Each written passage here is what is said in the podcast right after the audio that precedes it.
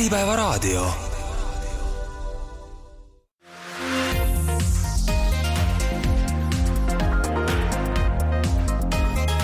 Trinity eetris head kuulajad, räägime tänases Trinity eetris saates laenamisest ja sellest, kus võiks olla tasakaal vastutustundliku laenamise ja vastutustundliku laenu võtmise vahel. keda peaks seadus rohkem kaitsma ja kas ja mida peaks seadustes muutma, et lõpuks ei saaks laenu need inimesed, kes ei suuda seda tagasi maksta. värskest Riigikohtu praktikast neil teemadel ja võimalikest lahendustest räägivad stuudios kolm külalist. mina olen saatejuht Gregor Alaküla ja külas on Bigbanki juht ja Finance Estonia krediidiandjate töögrupi juht Martin Lents, tere! tervist! LHV Finance jurist ja vastavuskontrolli spetsialist Liina Heenmäe, tere! tere! ja Trinity vandeadvokaat ja Finance Estonia juhatuse liige Katri Tomson, tere! tervist! hakkame rääkima sellest, kus leida tasakaal laenuvõtjate ja laenuandjate huvide vahel ja tundub, et möödunud aasta lõpus avaldatud Riigikohtu lahendiga on hetkel seadus kaitsmas kindlamalt just laenuvõtjate huve, sest nüüd peavad hakkama kohtud ise kindlaks tegema, kas väljastatud laenud ikka anti kõiki riske ja nõudeid arvestades enne kui võlgadega hätta sattunud inimesed üldse kohtusse jõuavad ja me siin saates selle värske kohtupraktika teema juurde tuleme, siis selleks, et aru saada, kui oluline see laenuvõtjate kaitse küsimus hetkel on, kasutades ära seda, et stuudios on kahe panga esindajad, kuidas on võlgnike arv või võlasummad siin viimase kahe aasta jooksul majanduslanguse ajal muutunud? olete saanud laenukahjumeid, Martin? Jah, et olenemata sellest, et äh, Eesti äh, majandus juba mitmeid kvartaleid järjest on languses olnud, siis nii nagu ka teised pangajuhid siin äh, raadiosaates rääkinud on, siis tegelikult täna olulisi laenukahjusid pankades näha ei ole. et isegi võiks teatud mõttes öelda, et krediidiportfellide kvaliteedid üle turu on ootamatult heas seisus. et sama ka Bigbankis. LHV-s, Elina? Jään, jään sama, sama toetama, et, et, et tõesti see olukord on natukene kohati vaata nagu vasturääkiv, et, et võiks olla, aga ei ole hästi, aga hüppame siis kõige olulisemasse teemasse otse sisse ja jätkame nende värskete arengutega kohtupraktikas. Katri, möödunud aasta lõpus tuli siis Riigikohtu otsus, kus Riigikohus selgitas kohtute rolli tarbimislaenu kohtuasjade lahendamisel ja selgus siis, et kui võlausaldaja on võlgniku vastu läinud kohtusse, siis edaspidi peavad kohtud omal algatusel kontrollima, milline oli krediidikulukuse määr ja kas laenuandja on järginud vastutustundliku laenamise põhimõtet. mis on selle otsuse taust, mida toob see kaasa laenuandjatele ja võtjatele? Jah, hakkame võib-olla natukene kaugemalt isegi pihta, et tegelikult äh, see, mida siis äh, Riigikohus nüüd eelmise aasta lõpus äh, väga jõuliselt ja selgelt välja ütles, ehk siis vastutustundliku laenu andmise põhimõte ja selle järgimine, et ega see ei ole iseenesest midagi uut. et see põhimõte on seadusesse sisse kirjutatud, seda põhimõtet peab iga laenuandja siis järgima, küll aga küsimus on nüüd selles, et kuidas seda siis efektiivselt, mõistlikult, vastutustundlikult teha et, et tegelikult see lõppeesmärk, milleks siis on noh, milleks siis on seesama asi, et, et võlgnikud ei võtaks laenu äh, olukorras või tarbijad ei võtaks laenu olukorras, kus, äh, kus nad tõepoolest ei suuda seda laenu tagasi maksta ja neid kõrvalkohustusi sinna juurde kanda. et, äh, et selle, et kuidas siis ikkagi lõpuks seda tagada. ja noh, me oleme siin nüüd ikkagi erinevatel tasanditel seda probleemi analüüsinud, me oleme siin raadiosaates ka varem seda rääkinud, et, et meie mõte on nagu see, et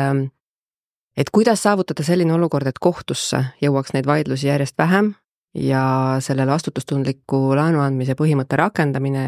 ja kõik selle juurde kuuluv, et see ei toimuks nüüd mitte ainult selle võlamenetluse käigus või, või siis selles hetkes, kus me oleme selles, ütleme niimoodi, et krediidi, krediidisuhte nii-öelda lõpus, kus võib-olla tõesti ongi tekkinud see olukord, et tarbija on võlgu jäänud ja ei suuda seda, seda kohustust täita, vaid, vaid me suunaks selle fookuse ikkagi selle krediidisuhte algusesse ehk siis seal, kus äh, alles see tarbija läheb seda laenu taotlema ja laenuandja peab hakkama otsustama, et kuidas ja kas üldse sellele tarbijale laenu anda, et selles faasis oleks tagatud nii seadusandja poolt, noh, tegelikult kõik need õigusselguse küsimused, millest me siin täna ka räägime, ja need vajalikud tööriistad siis nendele krediidiandjatele, et kuidas siis nad omalt poolt saaksid teha ja kaasa aidata sellele, mida teha, mida nad saaksid teha selleks, et et vältida selliseid olukordi, sest et olgem ausad, eh, noh, täna tuleb tunnistada tõesti, et turul on nii vastutustundlikke laenuandjaid, aga, aga kipub olema ka vastutustundetuid laenuandjaid. Ja see on see põhjus, miks me nendes kohtumenetlustes nende küsimustega tegeleme. Aga samas, kui mõelda nüüd sellele, et, et kas me peame kohtumenetlustes täpselt samas mahus nende küsimustega tegelema, ehk siis nagu kogu seda, kogu seda vastutustundliku laenu andmise noh, jada läbi tegema, et kuidagi äkki saaks ehk teisiti. sest et noh, praegu, praegu noh, ikkagi Riigikohus väga selgelt ütleb, et, et mitte ainult siis, kui tarbija või võlgnik seal kohtus nii-öelda vastu hakkab vaidlema, et talle on antud laenu vastutustundetult, vaid igal juhul sõltumata tarbija vastuvõetest peaks hakkama kohus kontrollima, kas on kõiki nõudeid täidetud, ehk siis noh, justkui tegelikult sellesama protsessi läbi tegema, mida peaks tegema selles, selles krediidisuhte alguses. et noh, see on see küsimus, millele me tegelikult tahaksime nagu tähelepanu juhtida, et mida saaksime teha omalt poolt riigis äh, ja, ja, ja ettevõtjate poolt, et, et, et neid olukordi seal kohtumenetlustes nii sagedasti ette ei tuleks jah, ma arvan, et äh, noh, iseenesest kindlasti on äh, tervitatav, et äh, meil Eestis on äh, usaldusväärne kohtusüsteem, et, et äh, noh, kohtu roll on ju tegelikult ollagi kõrgeim õiguskaitseorgan, kes siis nii-öelda nii õigust kui õiglust siis teatud juhtudel üritab saavutada. samas ma arvan, et kõikides kaasustes see, et äh, kohus iseseisvalt nüüd peab hakkama hindama vastutustundliku laenamise äh, paikapidavust, äh, on ühiskonnale äärmiselt kulukas, et, et noh, nii nagu me oleme ka ju laiemalt kuulnud, et, et Eestis kohtud on pigem ülekoormatud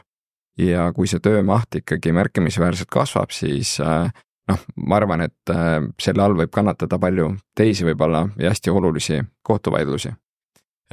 seepärast ma arvan ka, et, et tegelikult selle probleemi lahendamine ikkagi peaks toimuma eelkõige äh, laenu andmise faasis, mitte nii-öelda tagantjärgi. noh, kindlasti eks ta on, ma arvan, selline mm, hoiatav näide ikkagi sellisele kauboikapitalismile, mis ma iseenesest arvan, et kindlasti ei ole halb nagu mainisite, kohtud ülekoormatud, kuivõrd saab kohus üldse selles veenduda, kontrollida, et on tarbijale antud laenu nii-öelda vastutustundlikult nõuete kohaselt, mis andmeid peab siis laenuandja esitama? No see ongi äh, järgmine väljakutse siin, et tegelikult äh, Riigikohtu poolt on nüüd juhised äh, maakohtutele ja ringkonnakohtutele selgelt antud, et midagi pole teha, tuleb hakata kontrollima, aga küsimus on selles, et kuidas ja mis siis on need tõendus, tõendus, tõendamise võimalused seal kohtus, et, et noh, meil on tegelikult kahesuguseid olukordi, meil on olukordi, kus laenuandja ise läheb kohtusse, olukorras, kus talle on tema laenusaaja siis võlgu jäänud või siis olukorras, kus ikkagi on võlamenetlusi mõistlikum menetleda näiteks inkasso poolt või, või mingi muu kolmanda isiku poolt, kes on siis neid võlgu nii-öelda siis kokku ostnud, et laenuandja ise selle võlamenetlusega nagu kohtu kaudu sissenõudmisega ei tegele, et, et, et siis võib olla kohtus äh, tarbijalt äh, laenu sisse nõudmas hoopis näiteks inkasso ja mõlemal juhul äh, on tegelikult see tõendamiskoormus siis nii inkassol kui sellel krediidiandjal täpselt samasugune, ehk siis noh, see, mida Riigikohus nüüd selgelt äh, ka välja ütles, et, äh, et tõendamise osas nagu vahet ei ole. Ja mõlemad nad peavad siis suutma kohtule selgeks teha, et punkt üks, nad on kogunud piisavalt palju informatsiooni, kõike seda informatsiooni, mida siis ka seadus loetleb, näitliku loeteluna näiteks, kasutades siis erinevaid äh, näiteks andmebaase, pangakonto väljavõtteid, saamaks infot siis äh, tarbija kohustuste kohta, sissetulekute kohta, maksehäirete kohta tegelikult. ja tema harjumuste kohta siis teatud mõttes ja, ja seal on veel hulgaliselt andmeid, mida siis tegelikult tuleb koguda ja punkt kaks, tuleb tõendada ka seda, et, et neid andmeid on siis analüüsitud ja hinnatud ja jõutud järeldusele, et tarbija on krediidivõimeline ja noh, siin ongi nüüd tegelikult selline noh, natuke öelda murekoht, et Ähm, et, et kuidas siis, kuidas siis seda tõendamiskoormust üldse seal kohtus nagu täita saaks. Nii et, et, et see oleks seaduslik, et ei riivataks liialt tarbija õigusi, sest et teatavasti meil on menetlused ju avalikud, kohtuistungid on avalikud, et kui kõiki neid detaile alates siis tarbija mis iganes sissetulekust, lõpetades mis iganes väljamineku ja maksehäirega seal ava, noh, avalikul kohtuistungil arutatakse, et kuivõrd seal on need tarbija õigused siis piisavalt tagatud. Ja loomulikult siis teisest, teisest vaatest, et kuivõrd on pangasaladus, kaitstud, ärisaladused kaitstud, mis puudutab nüüd siis neid metoodikaid ja, ja neid äh, neid kriteeriume, mille järgi siis iga krediidiandja enda panga või siis krediidiandja siseselt äh, seda maksevõimelisust hindab. et, et kuidas see tasakaal ka seal tagada ja, ja kuidas siis äh, seaduslikult üleüldse võimaldada krediidiandjal seda infot välja anda. Noh, üks asi on kohtule välja anda, aga teine asi on välja anda sellele samale inkassole, kellele ta oma võlanõude siis loovutab, et, et kuidas noh, täna on väga puudulik see seadus äh, selles kontekstis, tegelikult meil üldse seaduslik regulatsioon noh, väga, väga hea puudub. et, et meil on oodata siin uut seaduseelnõud, mis siis, äh, mis siis muuhulgas äh, paneb ka inkassodele tegevusloa taotlemise kohustuse. Ja seal seaduses siis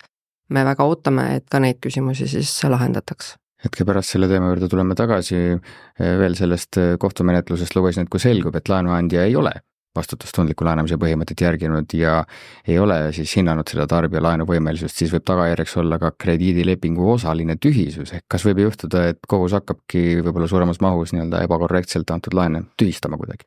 no tühistamine, eh, noh, see, see, see mõte on tegelikult seadusandjal olnud see, et ähm, selles osas, mis puudutab nüüd kõrgemat intressi kui seadusjärgne intress,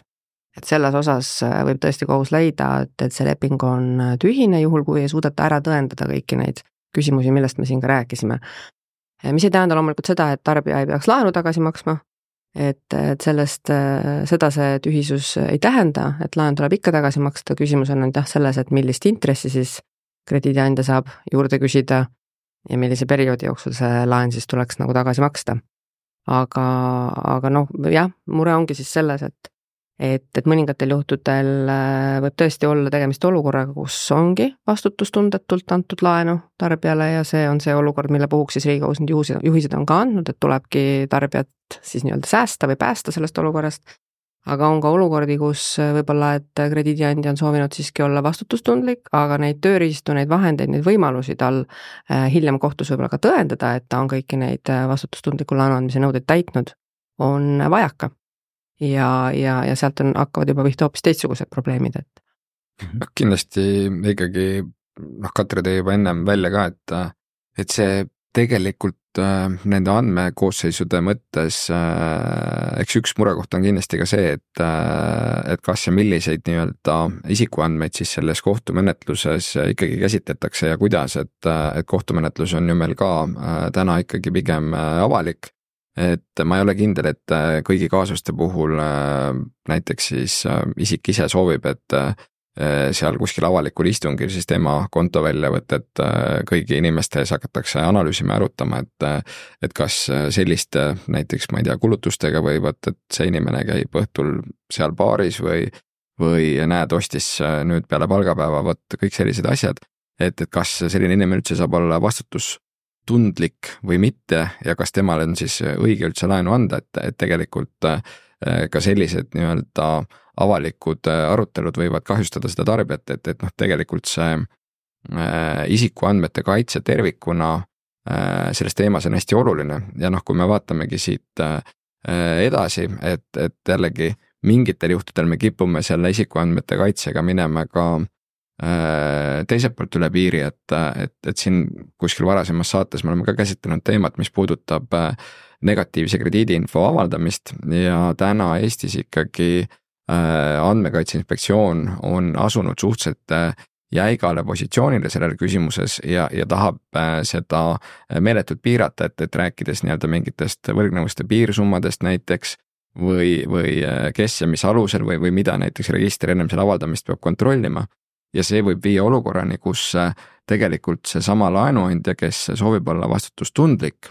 äh, ei saagi teada juba kliendi aktiivsetest äh, makseviivitustest või maksehäiretest, kuna neid lihtsalt ei ole avaldatud või neid ei ole temale kätte saada. Liina, miskit lisada? jaa, et tegelikult on siin jah, mitu, mitu asja juba välja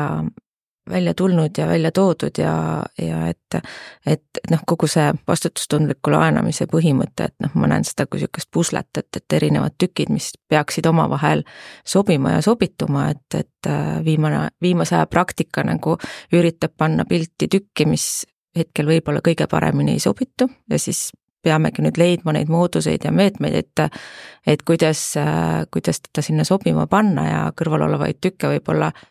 lihvida, et, et äh, tõesti siin äh, nagu Katri ütles, et äh, krediidiinkassode seadus on tulemas, mille puhul me loodame ja ootame väga, on ju, et see lahendaks natukene seda teabe andmise küsimust. et, et tõesti ootame ju tegelikult ka erinevaid tööriistu siin positiivse krediidiregistri näol, mis jällegi annab meile ka usaldusväärse allika, kust saame kontrollida tarbijate kohustusi. et,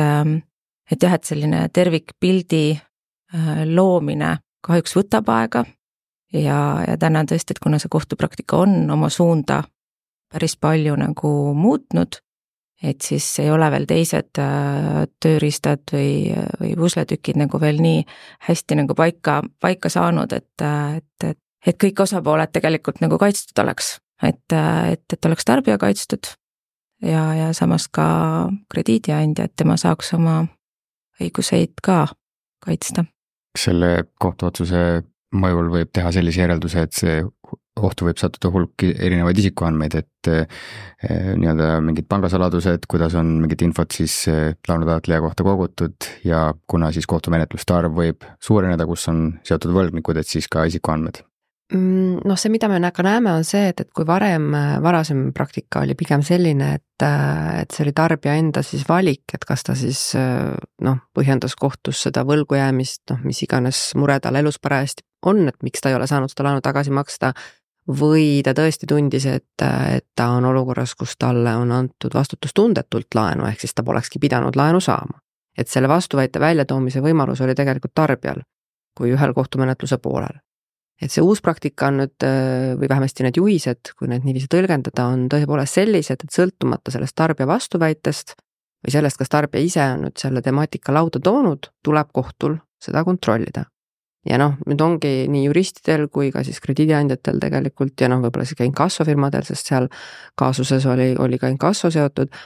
ongi see murekoht, et äh, kuidas siis optimaalselt seda, seda tõendamiskoormust nüüd täitma hakata, et kui kohtusse pöörduda ja on teada, et see on krediidi suhtest tulenev nõue, et noh, millise tõendipakiga sinna siis kõigepealt minema peab sest tänane praktika on, on selline, et, et üsna vähe ju esitatakse, kui üldse, mingisuguseid andmeid kohtule laenuandja poolt selleks, et näidata ära seda laenu andmise vastutustundlikkust. siis menetluse käigus hakkavad need asjaolud sealt siis kooruma, näiteks kohus küsib, eks ole, mingeid tõendeid juurde ja võib-olla, et siis kohustab näiteks noh, kui inkassol endal pole neid anda, oletame, et kohtusse pöörduja on inkasso, et kui inkassol pole, siis kohustab kohus näiteks panka või krediidiandjat neid tõendeid sinna esitama, ehk siis tõendite kogumise noh, protsess on siis seesugune, et või siis, või siis ka näiteks, et kaasatakse kolmanda isikuna, aga noh, see, see krediidiandja siis konkreetselt, aga, aga noh, see praktika ongi praegu hästi segane, noh, segadust on palju ja, ja olukorras, kus siis ütleme, inkasso võib-olla näiteks ise tahaks seda tõendipakki kohtusse kaasa panna ja, ja läheb seda küsima krediidiandjalt, siis noh, täna, täna ma ütleks, et ei ole krediidiandjatel väga head võimalust oma oma krediiditoimiku mingit osa või, või, või tervikut nagu välja anda, sellepärast et see sisaldab tõepoolest väga palju isikuandmeid, väga suures mahus ikkagi ka pangasaladust, ärisaladust, et, et, et see on problemaatiline. Räägimegi selle inkasso teema selgeks, nagu lubasime ennist, et laenumaastikul ei ole siis ainult laenuandjad ja laenuvõtjad, vaid mahuvad sinna ka kolmandad osapooled, näiteks inkassod, kes siis need võlad üles ostavad, ise nende sissenõudmisega tegelema hakkavad, lootes siis sealt vahelt ise lisa teenida ja teine värske areng, nagu mainitud, puudutabki seda, et käesoleva aasta kesksuveks minu teada peavad kõik inkassoärid saama omale tegevusloa ja lähevad ka Finantsinspektsiooni kontrolli alla, sest seni oli see valdkond reguleerimata, mis neile siis selle otsusega muutub, mis juhtuma hakkab turul? ma arvan, esiteks noh, on see kindlasti selline tervitatav äh, initsiatiiv ja, ja noh, ma arvan, et äh, seda oleks võinud juba äh, varem teha, et, et, et kindlasti see on hästi positiivne, et me oleme siia jõudnud äh, ja, ja noh, siin tulebki äh, kohe mitu aspekti, et äh, noh, punkt üks ongi nii-öelda see, et sul on tegevusluba, keegi nii-öelda vaatab üle nii-öelda su tegevuse, mis kindlasti tõstab sellist töö siis võib-olla korrektsust ja, ja, ja kvaliteeti. teine asi on see, et nii-öelda nendele juhtidele hakkab siis kehtima ka fit and proper või siis ähm, eesti keeles sobivusmenetlus, mis tähendab nii-öelda seda, et seda inkassoettevõtet ei või juhtida igaüks, vaid äh, tal peavad ikkagi olema äh, vastavad siis äh, kompetentsid, teadmised äh, ja ka mm, selline maine või, või nii-öelda tema nii-öelda varasem äh, tegevus on oluline ja ka tema tulevikutegevus, et, et ta peab olema sobiv sellist ettevõtet juhtima. ja ma arvan, et noh, esimene asi ikkagi mida see muudab, on see, et see võib-olla aitab kaasa sellisele kauboikapitalismi kadumisele. Ehk siis äh, ma usun ikkagi ka täna on siin olnud äh, laenuandjaid, kelle ikkagi eesmärk on olnud teenida inimeste võlgujäämise pealt, äh, mitte nii-öelda siis võib-olla ainult nii-öelda seda ausat intressi teenida, vaid et, et see ärimudel on olnud üles ehitatud siis erinevatele viivistele, sissenõude kuludele. Ja, ja, ja noh, see on kindlasti olnud võib-olla ka siis äh, vähemalt osasid tarbijaid äh, kahjustav, et, äh, et see, kui nüüd see inkassomenetlus saab reguleeritud, siis see kindlasti loob sinna sellist äh, korrektsust ja, ja, ja võib-olla nii-öelda eemaldab teatud ebasobivad ärimudelid turult. see on esimene võib-olla selline oluline teema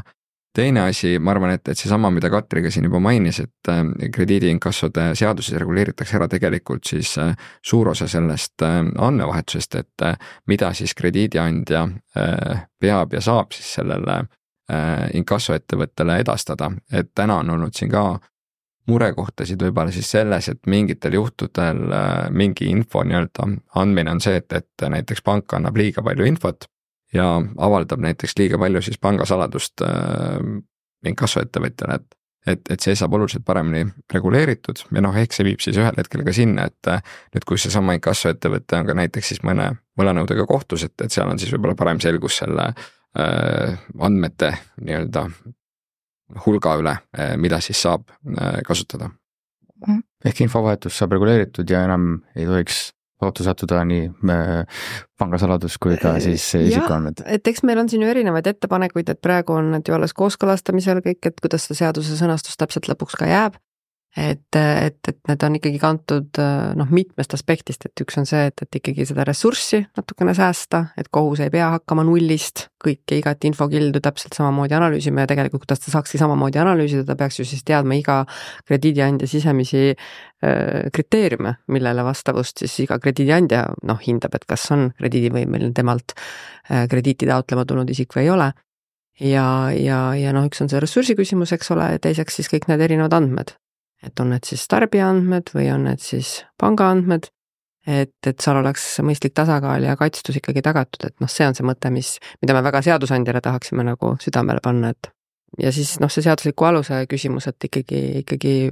pangal oleks üleüldse mingisugune õiguslik alus äh, infot väljastada krediidi, inkassoettevõtjale mm. -hmm et äh, võib-olla jah, ma tulen selle kõige alguse juurde tagasi, et noh, mis see seadus nagu üldse meile annab, on ju, et et ta kindlasti annab õigusselguse, ühetaolise kohtlemise, et läbipaistvuse, et kuidas ikkagi inkassomenetlusi läbi viia, et äh, tõesti see kauboi äh, teema nagu kaob ära, et äh, et, et luuakse ikkagi väga konkreetne raamistik, mida tuleb jälgida. Ja, ja tõesti siis see pool, et natukene selgust andmevahetustemaatikasse, et kas ja kui palju edasi anda et, et jah, et oleme harjunud teatava eelneva praktikaga kuni, kuni tänaseni, kus äh, nõude alusdokumentideks oli tõesti ainult äh, krediidileping, mis sa, mis sa üle pidid andma, aga, aga tänaseks jah, on praktika oluliselt muutunud ja väga terendav on. Tõesti, kui need äh, ettepanekud, mis on äh, läinud ministeeriumile erinevate katusorganisatsioonide poolt, nii Finance Estonia kui ka Pangaliidu poolt, et äh, need ettepanekud siis lõpuks jõuaksid ka mingil kujul seadusesse. teeme siinkohal väikse pausi, saate nimi on Trinity eetris, räägime vastutustundlikust laenamisest, mina olen saatejuht Gregor Alaküla, külas on Bigbanki juht ja Finance Estonia krediidiandjate töögrupi juht Martin Länts, LHV Finance jurist ja vastavuskontrolli spetsialist Liina Heinmäe ja Trinity vandeadvokaat Katri Tomson. äripäeva raadio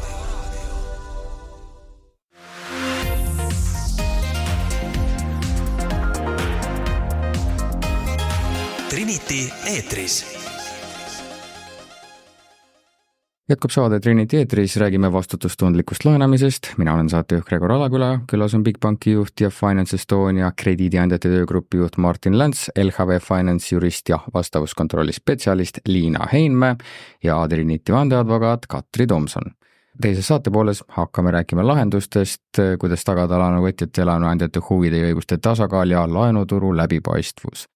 Kui suureks mureks on meie turul need vastutustundetud krediidiandjad, kelle vastu esimeses saate pooles kirjeldatud võtted on suunatud? ilmselt ikkagi mingi vaba turumajanduse loogika, nii palju kui on odava laenu soovijaid, nii palju on pakkujaid. jah, noh, ma arvan, et äh, kui me tervikpilti vaatame, siis äh, noh, kui me räägime Äh, pankadest, kes on ju Finantsinspektsiooni poolt järelevalvatavad, kui me üldiselt räägime ikkagi krediidiandjatest, kes on samamoodi äh, siis või noh, ütleme mittepankadest krediidiandjatest, kes on siis ka üldiselt Finantsinspektsiooni poolt järelevalvatavad, siis noh, ma arvan, et see pilt võrreldes siin võib-olla sellise viieteist aasta või kahekümne aasta taguse ajaga on oluliselt paranenud. Äh, küll noh, jällegi, et, et kui me vaatame siis äh, teatud kohtulahendeid, siis ja, ja noh, võib-olla siis olukordasid, kus äh, kohus ongi lõpuks otsustanud, et, et laenu ei ole antud vastutustundlikult ja on siis näiteks ähm, pööranud ka siis mingisuguse kahjunõude nii-öelda kliendi kasuks välja, et, et ei ole mitte ainult see, et kliendilt vähendatakse siis näiteks laenuintressi vaid on ähm, leitud ka, et, et näiteks äh, laenu andmisega on siis äh, äh, klienti niimoodi kahjustatud, et, et seal kuulub siis mingisugune raha ka kompensatsiooniks, siis järelikult see näitab, et, et teatud nii-öelda juhtumeid siiski ikkagi on, kus see laenu andmine ei ole olnud vastutustundlik. ja, ja noh, nagu ka siis saate esimeses pooles rääkisime, et, et kindlasti seda on Äh, toetanud siis olukord, kus äh, ei ole olnud Eestis reguleeritud ka siis äh, inkassoettevõtlus ja, ja mingid laenuandjad ongi siis kasutanud sellist kergekäelisemat laenu väljaandmist selle nimel, et hiljem siis läbi võlamenetluse saada nii-öelda võib-olla siis see teenistus kätte. muus osas noh, ma arvan, et, et, et kui me ikkagi tahaksime seda, et me ei lahenda äh, vastutustundetut laenamist äh, kohtus, vaid pigem äh, lahendame seda laenu väljaandmise hetkel, siis noh, siin on riigil kindlasti palju ära teha, et mida on juba tehtud, punkt üks on, on kindlasti see, et meil on kättesaadav kliendi siis sissetulekud läbi Maksuameti,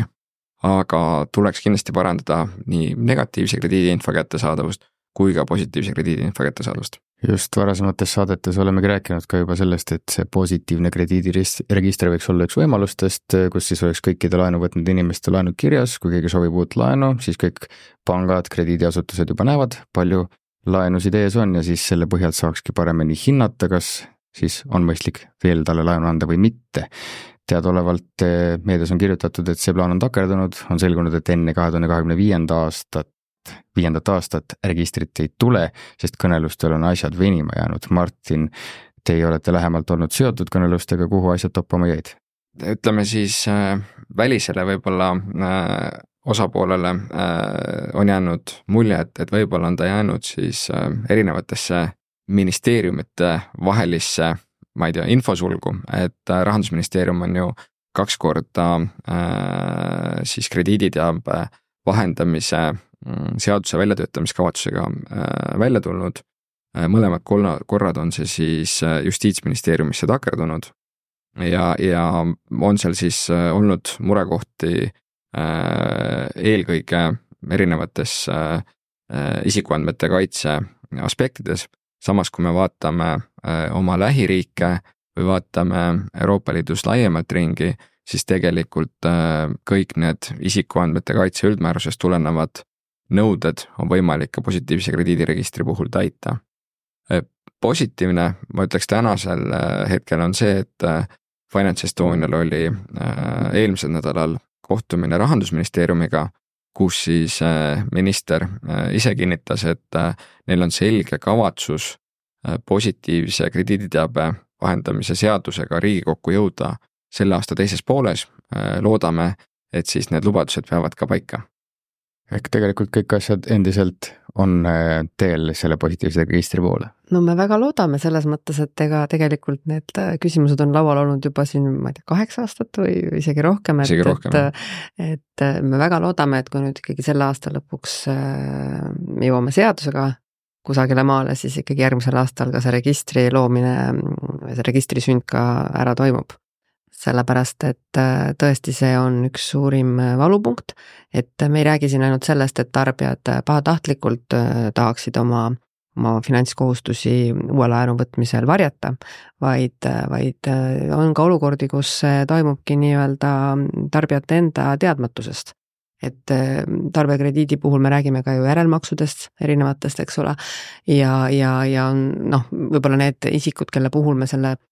laenuorjuse küsimuse kõige sellist valu, valusamat punkti tajume, ongi isikud, kellel neid on noh, ikkagi rohkem kui üks, neid krediidisuhteid ja järelmaksusuhteid, eks.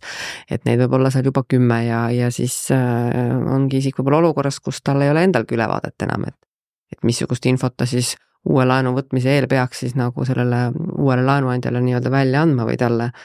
talle ette tooma, et, et kui on, kui on tegemist positiivse krediidi, krediidiregistriga, mis siis selliseid finantskohustusi, nende kohta käivaid andmeid peaks hõlmama,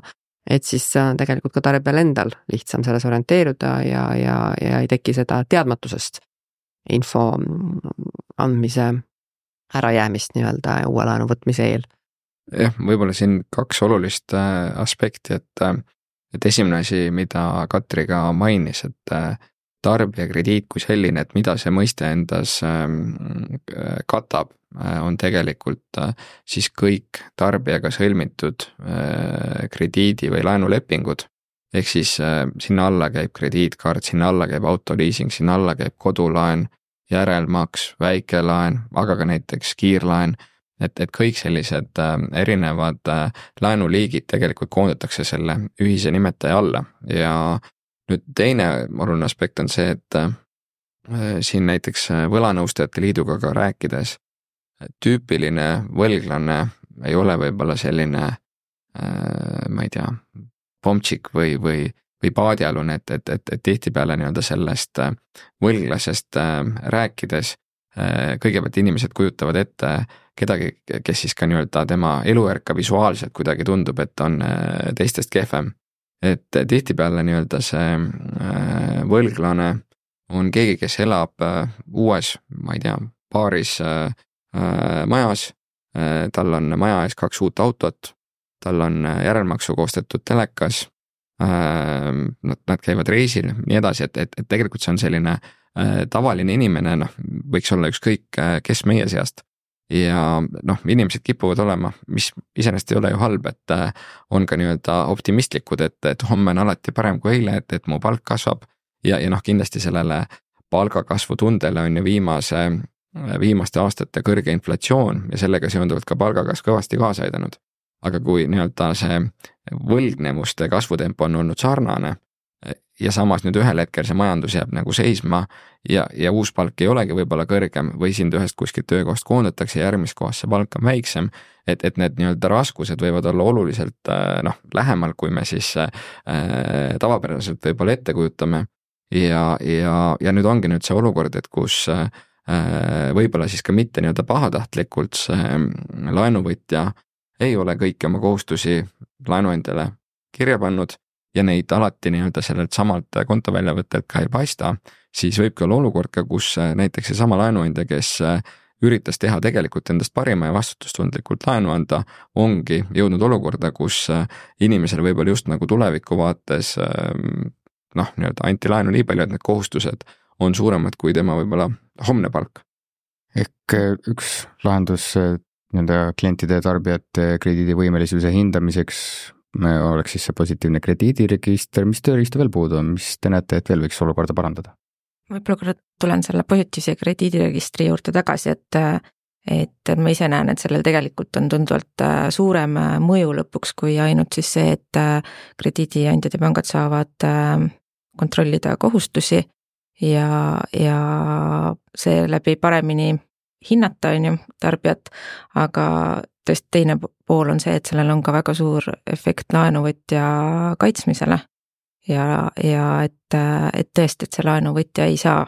rohkem äh, enda laenukoormust suurendada ja samuti ma näen ka seda tegelikult, et äh, et see register võib anda tegelikult võimaluse ka selliseks äh, tarbija finantskirjaoskuse parendamiseks. et kui see tarbija näeb, on ju, et milline on tema ajalugu olnud, milliseid krediite ta on võtnud, milline tema see laenuvõimekus on olnud, et see paneb teda võib-olla veel rohkem äh, analüüsima, mõtlema nagu selle peale, et äh, et kas ja kuidas siis oma äh, finantstarbimist äh, kontrollida ja reguleerida.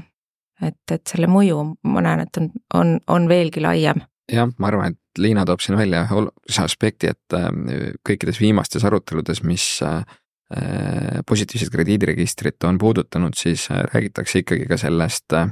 liidesest või võimalusest, et tarbija ise saab ka minna ja esitada seda päringu äh, enda laenukohustuste kohta, et, et see tõenäoliselt võib-olla aitab ka siis teatud juhtudel sellele laenuvõtjale endale selgeks teha nii-öelda need kõik kohustused, äh, mida ta siis nii-öelda võtnud on. Ja, ja võib-olla enda siis sellises äh, finantsplaneerimises seda paremini arvesse võtta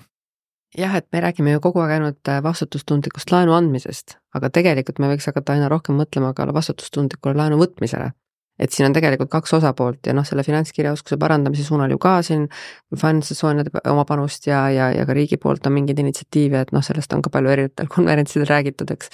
et noh, see on ka tegelikult väga oluline moment siin, et, et kui me räägime nendest, mis, mis aitaks nagu parandada seda olukorda, seda ülelaenamist ohjata, siis noh, kindlasti ka see on üks, üks koht, millele, millele peab mõtlema ja nii riigi kui siis ettevõtjate vaatest, et äh, siin saab ka kindlasti palju ära teha aga, aga kolmas asi võib-olla siis seesama äh, negatiivne krediidiregister ehk siis maksehäireregister, millele Martin juba enne ka viitas. et, et ka seal on, on täna ju toimunud hulgaliselt arenguid äh, nüüd pigem küll selles suunas, et, et krediidiandjatel on need võimalused saada infot kätte jäänud äh, väiksemaks, ehk siis äh, on, on piiratud seda, seda mm, aega, mille jooksul siis võlgnevusi või maksekäitumist siis äh, nii-öelda presenteeritakse väljapoole või, või, või mille kohta saab siis laenuandja päringut teha. on piiratud seda infomahtu ehk siis nende andmekoosseisu ja, ja noh, hetkel äh, Andmekaitse Inspektsioonil on ka endal väga tugevad sellised äh, seisukohad, et miks ta on seda näinud sellisena, et, et andmekoosseis ja, ja need ajalised piirangud peavad olema. Mm, et aga noh, teadaolevalt on, on siin ka kohtuvaidlused käimas, et, et ma usun, et, et ka siin ikkagi võib-olla, et lähima aasta jooksul või, või ma isegi ei tea täpselt, et kui pikaks seda perioodi prognoosida, saabub ka võib-olla rohkem selgust, et kuidas siis kohtud seda olukorda ka näevad, et äh, kui palju meil on vaja siin ühelt poolt siis seda tarbijat äh, kaitsta selle eest, et tema andmed on kuskil maksejärjeregistris ja mis andmed seal siis täpselt on. ja kui palju me saame teha tegelikult selleks, et tarbijat selles teises olukorras kaitsta, ehk siis selle ülelaenamise eest kaitsta, et, et olukorras, kus tegelikult need krediidiandjad peaksid sedasama maksekäitumise infot ju uue laenu väljaandmisel arvestama. et seal noh, tekivad sellised natukene, ma ütleks, äh, huvide põrkumised, et ühelt, ühelt poolt me tahame või noh, me kõiki soovime seda tarbijat kaitsta, aga et, et äh, erinevate vaatenurkade alt tuleb leida siis mingisugune tasakaal et üks tööriist tarbija kaitsmiseks tuleb loodetavasti juurde positiivse registri näol ja üks siis äh, hakkab otsast ära kaduma no vot, ei tahaks öelda, et ära kaduma, selles mõttes, et mulle endale tundub, et, et, et siin on praegu see nurkade lihvimine või see pusletükkide lihvimine, et, et, et siin on algselt olnud ühtemoodi praktika. nüüd Andmekaitse Inspektsiooni siis eestvedamisel on seda praktikat üritatud muuta ja noh, võib-olla siis nende kohtuvaidluste tulemusena siis saabub mingisugune kolmas versioon siia vahele, et, et milline siis see optimaalseim lähenemine peaks olema ja siis see neljas tööriist, mida me muidugi ootame, on seesama krediidiinkassode seaduseelnõu, et, et selle või noh, ütleme siis, et, et ta siis seaduseks ka võimalikult kiiresti äh, saaks ja et seal sees oleks kindlasti ära reguleeritud see infovahetus, et kuidas siis krediidiandjad saavad väljastada ja milli-, millist infot nad saavad väljastada inkassofirmale ja, ja, ja kuidas peaks siis äh, toimuma see info, info liikumine, mis puudutab siis äh, ühelt poolt isikuandmeid, pangasaladust, ärisaladust ja, ja teiselt poolt siis, et, et oleks siis võimalik ka kohtus äh, hinnata seda, kas siis on tõepoolest antud vastutustundlikult laenu tarbijale või mitte. et kuidas kõik need huvid kokku põrkuvad ja kuidas neid liialt ei riivata. kui kaugel see seadus on? on esitatud Riigikogule juba mm. -hmm. et, äh, et kuna sellega on natukene juba kiire, kiire taga, et siis äh, võiks juba peagi-peagi tulla. mis tähendab kiire? Eh, no tegelikult eh, jah, direktiivist tulenevalt me oleks pidanud juba eelmise aasta lõpus, eh, minu arust kolmkümmend üks detsember oli see tärming, oleks pidanud juba olema meil siis direktiiv üle võetud Eesti õiguskorda. aga natuke oleme sellega jännis, et noh, ma usun, et, et ikkagi see seadus ka nüüd ikkagi selle aasta jooksul seaduseks saab, selle Riigikogu menetluse läbib. noh, küsimus on nüüd selles, et noh, kuivõrd seda, seda sõnastust annab seal veel täiendada ja muuta, et, et et nagu juba Liina ütles, et siin erinevate katusorganisatsioonide poolt neid ettepanekuid on sinna läinud, et äh, väga loodame, et need siis saavad arvesse võetud äh, ja oleme tegelikult ka ise ministeeriumile ju välja toonud selle, äh, ka selle uue kohtupraktika valguses, et kui kohtud ühelt poolt ootavad ja eeldavad, et, et laenuandjad ja inkassod suudaksid täita kohtus teatud tõendamiskoormust, siis teistpidi võttes tuleb mingisugused võimalused ka seadusesse sisse kirjutada, kuidas nad seda tõendamiskoormust täita saavad, et seda infot siis välja anda saavad. ehk see laenuandjate ja inkassode vaheline infovahetuse seaduseelnõu, see tuleneb siis Euroopa Liidu direktiivist, nii et kuidas mujal naaberriikides see on siis reguleeritud juba paremini, ma saan aru, kui meil? No eks äh, need on erinevalt reguleeritud, aga, aga üks suur abimees on olnud igal pool seesama positiivne krediidiregister, millest Martin juba siin ka enne viitas, et äh, tegelikult väga paljudes riikides see toimib ähm, ja, ja on olemas ka siis seaduslikud alused, et saaks selliselt toimida. Äh, noh, iseküsimus on nüüd jah, siis mis puudutab veel siin selle pangasaladuse väljaandmist ja, ja muud infovahetust, et et noh, loodame, et saame ikka üle võtta parimaid praktikaid teistest riikidest hästi, tulles korraks tagasi saate esimese teema, esimese poole teema juurde, eh, möödunud aasta lõpus jõustunud Riigikohtu lahend, mis siis on asunud natukene rohkem eh, tarbija kaitsvale positsioonile. Eh,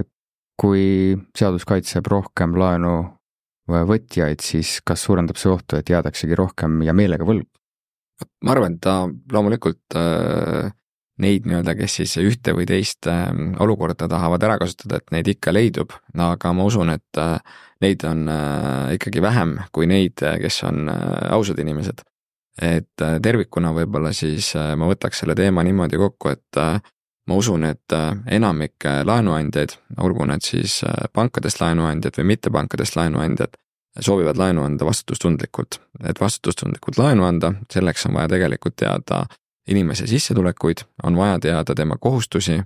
ja tema varasemat äh, finantskäitumist, et noh, näiteks ka see aspekt, et äh, kui me teame, et inimesel näiteks on juba, ma ei tea, kolm laenu, mida ta viimased kümme aastat on äh, korrektselt äh, täitnud või, või nii-öelda, kus ta on oma makseid sooritanud, et, et see on ka ju indikaator sellest, et inimene on korrektselt käitunud, tal on olemas vajaminev finantsdistsipliin ja, ja, ja nüüd see teine pool, et kui me seda nii-öelda infot teame ja me saame seda usaldada, siis tegelikult see viib madalamaks ka äh, krediidiriski, mis võimaldab klientidele soodsamalt laenu anda. ja teine asi, noh, ma arvan, mis on klientide vaates hästi oluline, on ju neid äh, erinevaid laenupakkumisi, äh, et ta saaks võrrelda ja, ja, ja see nagu lihtsus, et kui lihtsalt ma seda teha võiksin saada. et täna, kui ma pean iga laenu võtmiseks igale poole saatma oma konto väljavõtte siis see ei ole võib-olla kõige mugavam lahendus. ja teine asi, et, et, et me alati võib-olla ka ei taha, et, et oma pangas ma juba tean, et jah, mu pank niikuinii teab kõike, ta teab, eh, mis kell ma poes käin, eh, mis summa eest ma poest ostan, kus poes ma käin, aga et, et kas ma tahan alati seda kõigile teistele laenuandjatele ilma teadmata isegi, et kas ma saan sealt laenu või kas ma saan seal parematel tingimustel laenu, kas ma tahan seda edastada, et kui meil on olemas võimekus tegelikult registritest kontrollida sissetulekut, noh, loomulikult kliendi nii-öelda nõusolekul, kui meil on võimekus tema maksejärjeid kontrollida ja kui meil on võimekus kontrollida tema ka varasemaid nii-öelda kohustusi, siis on võimalik sellele kliendile ka see laenu pakkumine oluliselt kiiremini teha ja väiksemate andmete pealt. ja tegelikult juba noh, näiteks kui ikkagi selgub, et seda pangakonto väljavõtet on siis vaja, et näiteks seda paremat ähm, laenupakkumist siis saada või seda laenu saada, siis ma usun, et ka klient on äh, igati valmis seda Äh, ka edastama, aga ta ei pea seda edastama näiteks kõigile viiele või kümnele ettevõttele, kus ta seda laenupakkumist küsis. et tegelikult see võiks olla kasulik ka tarbijale nii lihtsuse mõttes kui ka selle, et ta võib-olla saab lõpuks äh, soodsama laenupakkumise sellised mõtted siis krediidiandjate vaates, äh, võtan ise ka natukene tänase saate teemad kokku, see, mis teeks vastutust, laenamis, laenukeskkonda vastutustundlikumaks ja läbipaistvamaks, oleks siis see positiivne krediidiregister, lubaks pankadel vaadata, kellel kui palju laenu on, ja nagu Martin äsja kirjeldas ka, mis, milliseid andmeid on vaja nii-öelda inimese kohta teada, et talle siis vastutustundlikult laenu anda. infovahetus pankade ja inkassode vahel siis selle eelnõuga, mis Euroopa direktiividest tuleneb, peaks ka peagi vastu võetama ja siis käesoleva aasta kesksuveks inkassode liikumine Finantsinspektsiooni kontrolli alla on siis ka üks meede, mis meie olukorda laenumaastikul parandaks selline oli tänane, tänane saade Trinity eetris, rääkisime vastutustundlikust laenamisest, mina olen saatejuht Gregor Alaküla, külas oli Bigbanki juht ja Finance Estonia krediidiandjate töögrupi juht Martin Lents, LHV Finance jurist ja vastavuskontrolli spetsialist Liina Heinmäe ja Trinity vandeadvokaat ning Finance Estonia juhatuse liige Katri Tomson. aitäh teile! aitäh!